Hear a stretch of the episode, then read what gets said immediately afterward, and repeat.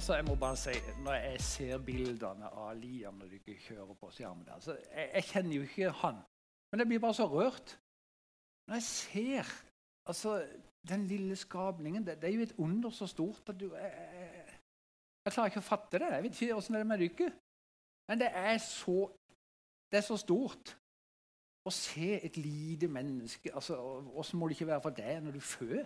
Liksom kommer, bærer på dette i mange måneder, så ja, nei, det jeg, jeg, klarer ikke å Ja, jeg blir bare fascinert ennå. Jeg har fire bånd sjøl, men jeg, liksom, jeg, kjenner bare Det er fantastisk. Helt fantastisk. Et levende håp.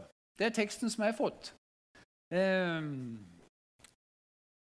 jeg satte opp dataen der. Han er helt svart. Men jeg syns det er litt tøft, for alle som taler, pleier å ha liksom De kommer og så tar de opp dataen sånn. og så...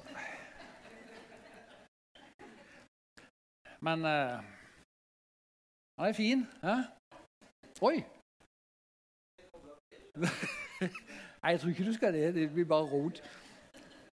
Men vi skal, lese, vi skal lese teksten som er for i dag. Fra Peters første brev. Og så skal vi, skal vi ta det derifra. Får vi det opp på skjermen? Ja, det gjør vi. Nå leser jeg fra en utgave som er litt annerledes. Og den er litt lettere tror jeg, å skjønne. Eh, jeg liker å ha mange forskjellige utgaver av Bibelen. Og dette er én utgave som eh, kanskje er litt lettere å skjønne. Hilsen fra Peter, som er utsending for Jesus Kristus. Til dere som tilhører Gud og er, er fremmede i denne verden.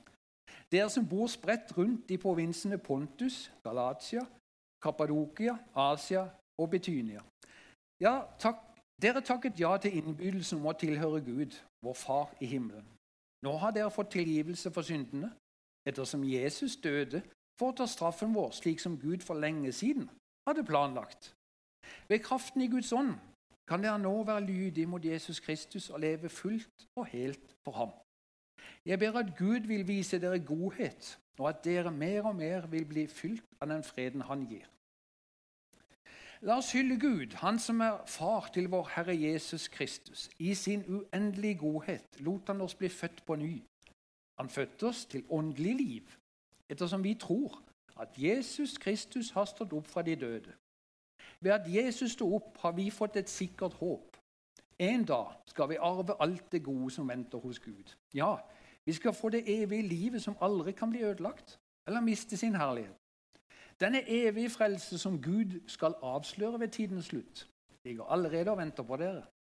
Ettersom dere stoler på ham, vil han med sin kraft ta vare på dere, slik at dere virkelig får del i frelsen. Vær derfor glade, juble over deres frelse, selv om dere nå for en kort tid må gå gjennom forskjellige slags prøvelser. Gjennom disse prøvelsene blir troen foredlet, slik at bare det som er ekte, står igjen.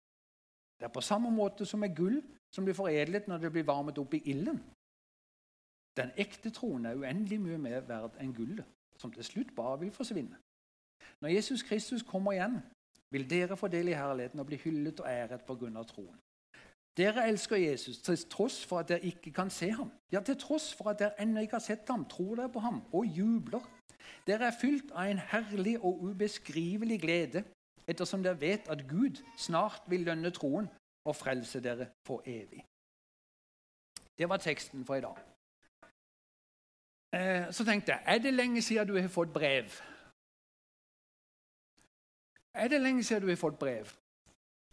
Noen smiler, noen ser litt sånn oppgitt på meg og tenker Hva en tidsalder lever du i, egentlig? Um, da tenker jeg liksom brev ikke, Da tenker jeg jo brev, konvolutt med avsender og sånn. Ikke sånn fra DNB, sånn, eh, du har fond eller et eller annet der, kanskje, at du får et brev der. Eller for, eller tiggerbrev i f.eks. Eiken Hengladerklubb, som jeg har fått eh, for lenge siden. Ikke sant? Eh, det er ikke det jeg mener, men ordentlig brev. For før i tida så var det jo brev som gjaldt. Ikke sant? Det var brev som gjaldt. Og det er klart For du ikke er unge så, så er dette noe som du ikke tenker Hva er det du snakker om, egentlig? Brev? Ja, så sånn ark. Og Så skrev du på det, bretta det, la det opp i en konvolutt, klistra på et frimerke, og så skrev du ditt navn bakpå, og så skrev du til den du skulle sende det til. Og så sendte du, det gikk i postkassa. ei rød postkasse, sendte det der, og så Så var det sånn. sa det. Nei, de gjorde ikke det. Det var postmannen som kom og henta det eh, en dag. Eh, sånn var det før. Du fikk, du fikk liksom siste info fra avsender. Altså den, den du fikk brev ifra. Det var en kjenning, det var en god venn som sendte deg brev om siste nytt, ikke sant, om familien, om seg sjøl, om helsa, om ny jobb eller ja, hva som helst. Det var oppmuntrende eller det var nedslående nyheter. Det kom altså i brev. Og vår avsender i teksten der står det at han heter Peter. Det er apostelen Peter. det var en av Jesus' mest betrodde venner. En det de nærme vennene til Jesus.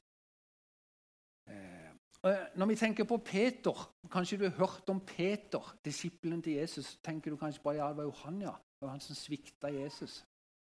Ja, det var det. Men det var bare så ufattelig mye mer med Peter. Han svikta Jesus, men det gjorde jammen de andre òg.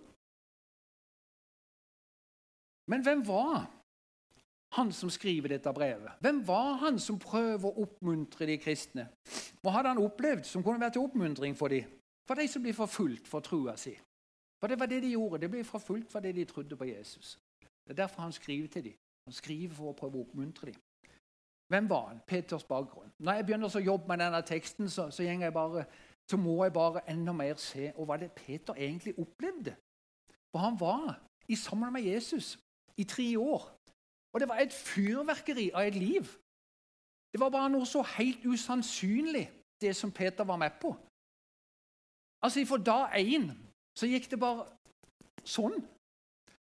Uh, han, han, møtte Jesus, eller han ble kalt av Jesus på stranda. Peter var fisker.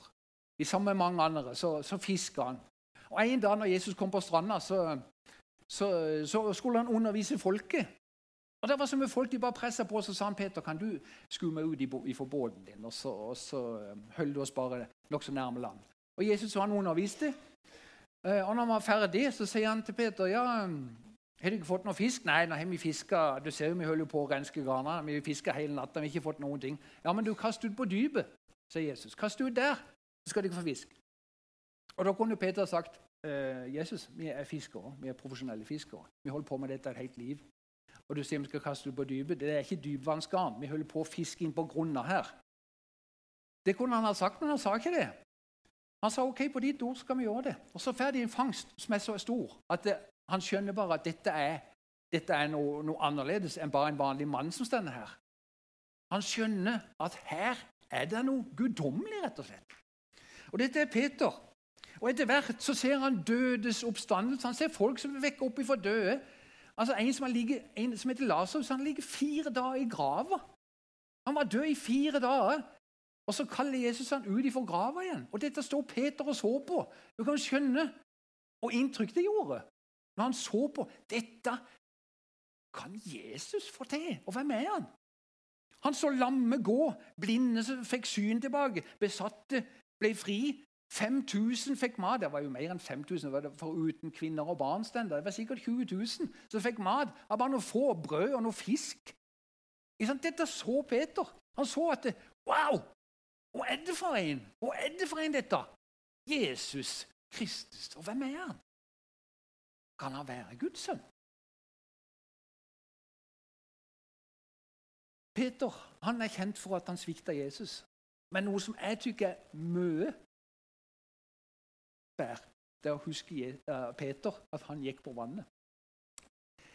Jesus kommer gående på vannet. Han pleide ikke det. Han pleide ikke å gå på vannet. De pleide å gå på veiene eller stiene.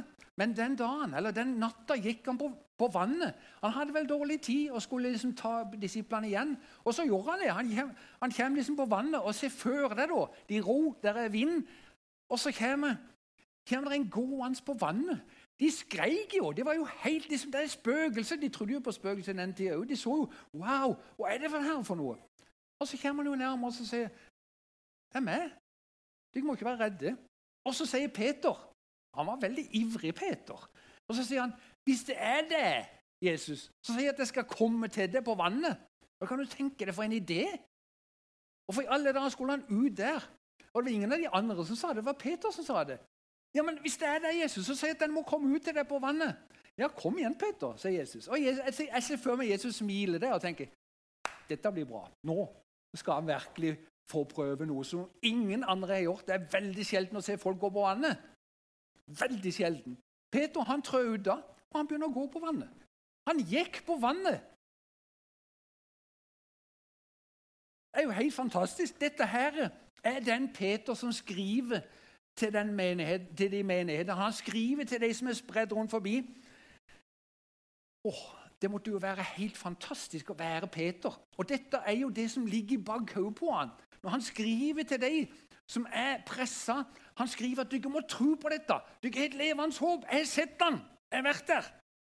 For han hadde jo opplevd forfølgelse. Han hadde opplevd forfølgelse, Peter. Han hadde opplevd å bli piska. Han hadde opplevd å bli fengsla. Han levde midt oppi dette som de han skriver til, lever i. Og han skriver til de forfulgte i en vanskelig tid. De stilte seg spørsmålet helt sikkert. Hvordan skal jeg kunne leve ut trua midt i et samfunn som ikke regner meg Gud? Og Det spørsmålet kan vi jo faktisk stille i dag òg. Hvordan i alle dager skal jeg kunne leve ut trua i et samfunn som ikke regner med Gud? For samfunnet vårt regner ikke lenger med Gud. Gud er utgått på dato i samfunnet vårt, rett og slett. Og Så kan du fortsette med et annet spørsmål. Hva vil skje med meg hvis jeg fortsatt velger å tro? Vil jeg skille meg ut? Vil jeg bli latterliggjort? Vil jeg etter hvert kanskje miste jobb, eller ikke få jobb hvis jeg søker? Vil jeg bli baksnakka? Kristendommen det medførte mange nye regler med hensyn til moral og levemåte. Det skjedde noe når du ble kristen i den tida. Det ble synlig for andre at de kristne de skilte seg ut for det. For det at de tok ansvar. De tok ansvar i samfunnet, og det er jo så bra. De tok ansvar for de syke, de tok ansvar for slave, de tok ansvar for enke, de tok ansvar for foreldreløse og enslige. Altså sykehus. Og de hadde barnehjem, og de hadde omsorgssenter. De så til de som trengte hjelp, og gjorde noe med det. Det er klart det, Da skiller du deg ut. Og de måtte vise omsorg for alle, for de lærte det. At alle mennesker har like mye verdi. Og denne måten å leve på den brøyt med det romerske eh, verdisettet. For der, de sa at nei, nei, nei, nei dette, dette, gjelder ikke. Der er det slekt, og der er det yrke, og det er rolle i samfunnet som teller. Og det gir deg verdi. Det er det som gir deg verdi. Og så kan de jo tenke sånn, ja, For å unngå det, for å bli forfulgt så kunne de jo bare rette seg etter de her romerske reglene og verdiene. ikke sant? De kunne jo bare være som alle andre. De kunne jo bare gå inn i mengder, kunne ikke det? Bare blande seg. Og det kan jo vi òg. Vi trenger jo ikke å skille oss ut, for da får vi jo ikke noe trøbbel. Vi får ikke noe trøbbel da, hvis ikke vi skiller oss ut. Peter har visst hva dette dreide seg om. Han hadde sjøl sett og forfølgelse og eh, trusler kunne føre til. Døperen Johannes ble halshogd. Døperen Johannes har mista hodet sitt fordi han, han sa eh, sannheten. Jakob, en av de nærmeste vennene til, til Peter, han ble drept med sverd. Og Dette likte jødene, for det stender at kong Herodes han fikk Jakob drept med sverd. Og Han så at jødene likte det som skjedde, og derfor tok han og fengsla Peter. Satt han i fange, fangenskap med vakter som var festa til han. Og han hadde planer om å henrette han òg. Men han ble på forunderlig vis redda av en engel. Ikke sant? En engel. Dette hadde jo Peter opplevd. Men etter pinse der, så skjer det noe. De blir fylt av, en fremodighet og en kraft som var helt Eh, ja, jeg må jo si guddommelig, for det var jo det det var. De ble fylt med Den hellige ånd, står det i Bibelen. De ble trua til å tie, men de bare ble mer og mer fremodige. Og jeg må bare lese, må bare lese eh, en bitte liten eh, sak her. De hadde, det var Peter og eh, kameraten hans Johannes. De hadde helbreda en mann. Og de ble kalt inn av de religiøse lederne, og de sa at dette her vil vi ikke ha noe av. De trua de og sa at eh, det, hvis de ikke fortsetter med dette, så kommer vi til å rundbanke dere. Vi kommer til å, å eh, gjøre livet skikkelig surt for dere. Mens de sier ja, men vi kan ikke la være å fortelle om det fantastiske vi har sett og hørt. Og så gjenger de til fellesskapet, gjenger til menigheten, og så, de, og så begynner de å be. De ber. Herre, du hører hvordan de truer oss. Hjelp nå alle som tror på deg, slik at de uten frykt kan fortsette å fortelle om deg. Vis din makt og helbred de syke, la mirakler og tegn skje i kraften fra din hellige tjener Jesus. Og så stender det noe som sjelden skjer i dag. Da de sluttet å be, rista huset der de var samla. Det skulle ha sett ut hvis huset her begynte å reste fordi at vi ba så, vi ba så inderlig til Gud. Tenk det. Alle blir fylt av Guds hellige ånd og fortsatte å spre budskapet uten frykt. Skulle jo tro da at OK, nå, nå legger vi oss litt lågt, gutter. Hæ? Nå har vi fått så mye bank, og nå har vi fått så mye trusler at det vi gjør nå, vi trekker oss tilbake til det hele roer seg, og så kan vi kanskje komme tilbake litt senere igjen. Var ikke det. De var fylt av fremodighet, de var fylt av kraft. Og Han skriver til de som er spredd rundt forbi. Det er nåværende Tyrkia, de provinsene som er nevnt der når jeg las. Og De lever under press og kjenner på egen kropp at det, det er til på å bekjenne Jesu navn. Var det fristende å gi opp, tro? Jeg vil tro det. Jeg tror det var noen som kjente på det. Jeg klarer ikke mer. Jeg orker ikke mer. Jeg klarer ikke å stå i denne kampen så lenge. Og Det er da Peter kommer med det er et håp. Det er et håp. Men hva er håp? Jeg måtte inn og google det. Altså, jeg, jeg kunne jo ha tatt jeg, Det første jeg kjøpte etter jeg gifta meg, det var et tibins leksikon fra Cappelen. Altså en stabel med sånne bøker. Det var det, det var det, som var for 40 år siden. Liksom, wow! Det var, det var, datidens Google. altså. Du kunne bare, wow, bare slå opp på håp. Men nå, eh, nå kikker jeg etter jeg vet ikke hvor de var hen, men to av de bøkene de, de under TV-en. TV-en er satt oppå der. og Det er så H, er så H til K. Jeg kikka der, ja, Det var den som står der, ja. Så da kunne jeg ikke dra den ut og se og håp. Så jeg tok det på eh, det vi kaller for Internett. Jeg var inne der. Og der står det håp er en positiv optimistisk forventning om at noe ønsket skal skje. Fikk du ikke med den? Håp er en positiv og optimistisk forventning om at noe ønsket skal skje. Håp bruker vi mye i hverdagsspråket vårt. Eh, vi håper på godt vær. Vi håper på ny jobb hvis vi søker på det. Og vi håper på fisk hvis vi er på fisketur.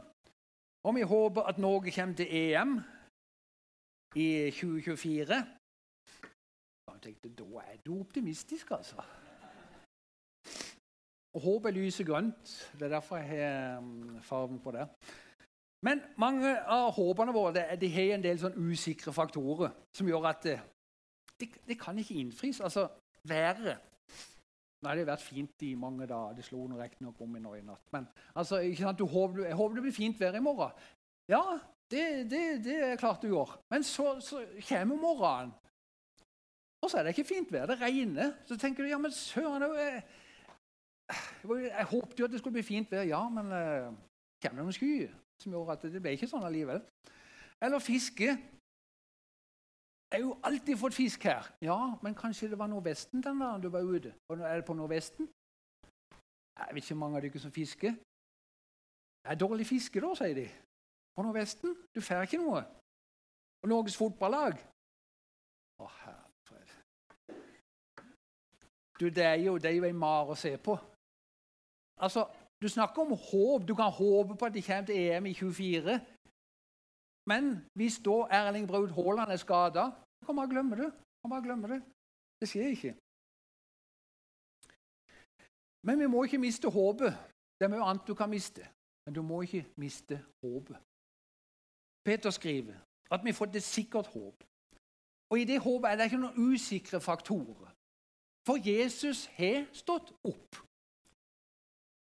Derfor så kommer vi her uke etter uke, måned etter måned, år ut og år inn, samles for å høre Guds ord og være sammen fordi at vi tror på dette.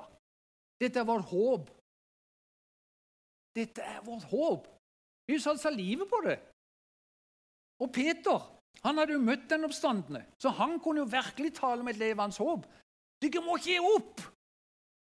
Dere må bare stå på, dere må tro at ja, en dag så skal vi se han.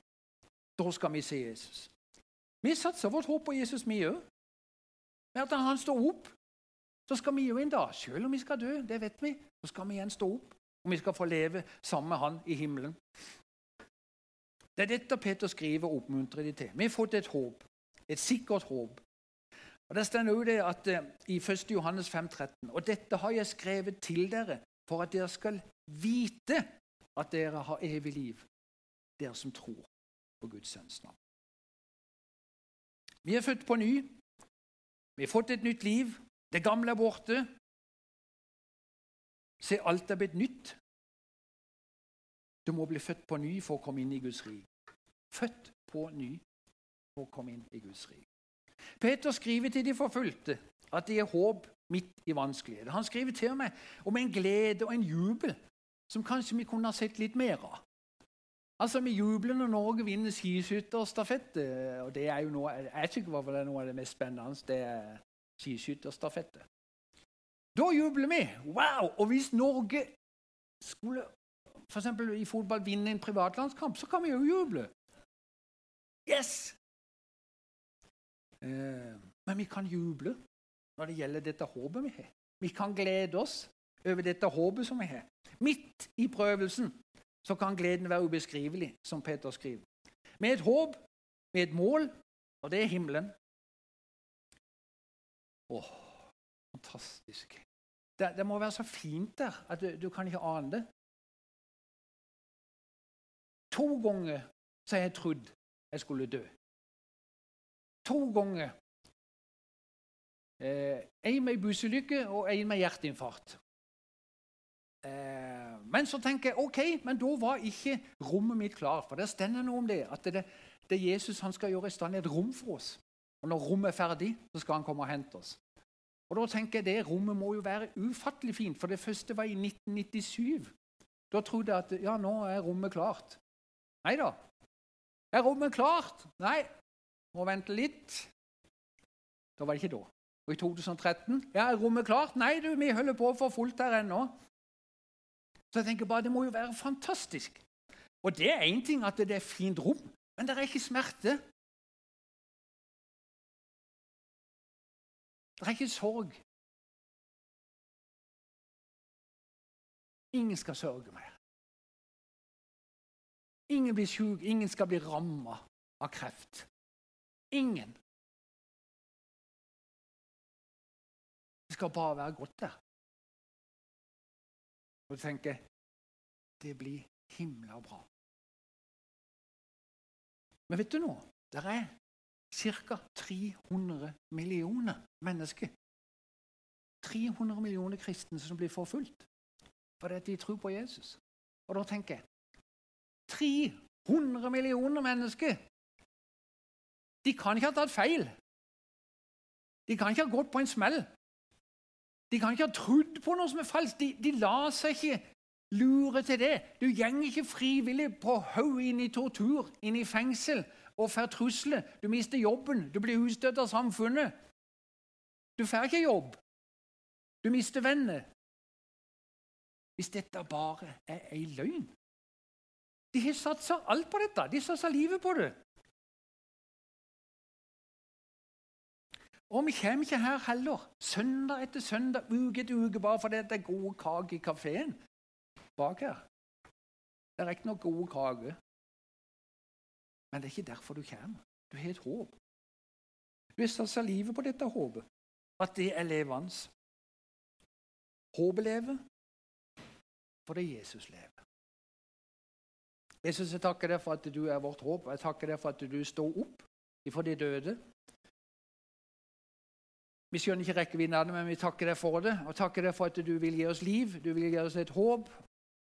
Eh, og vi vet her nede så er det eh, Og det er så mye vondt og vanskelig som skjer. Men vi vet at en dag så skal det opphøre. Da skal det bli slutt.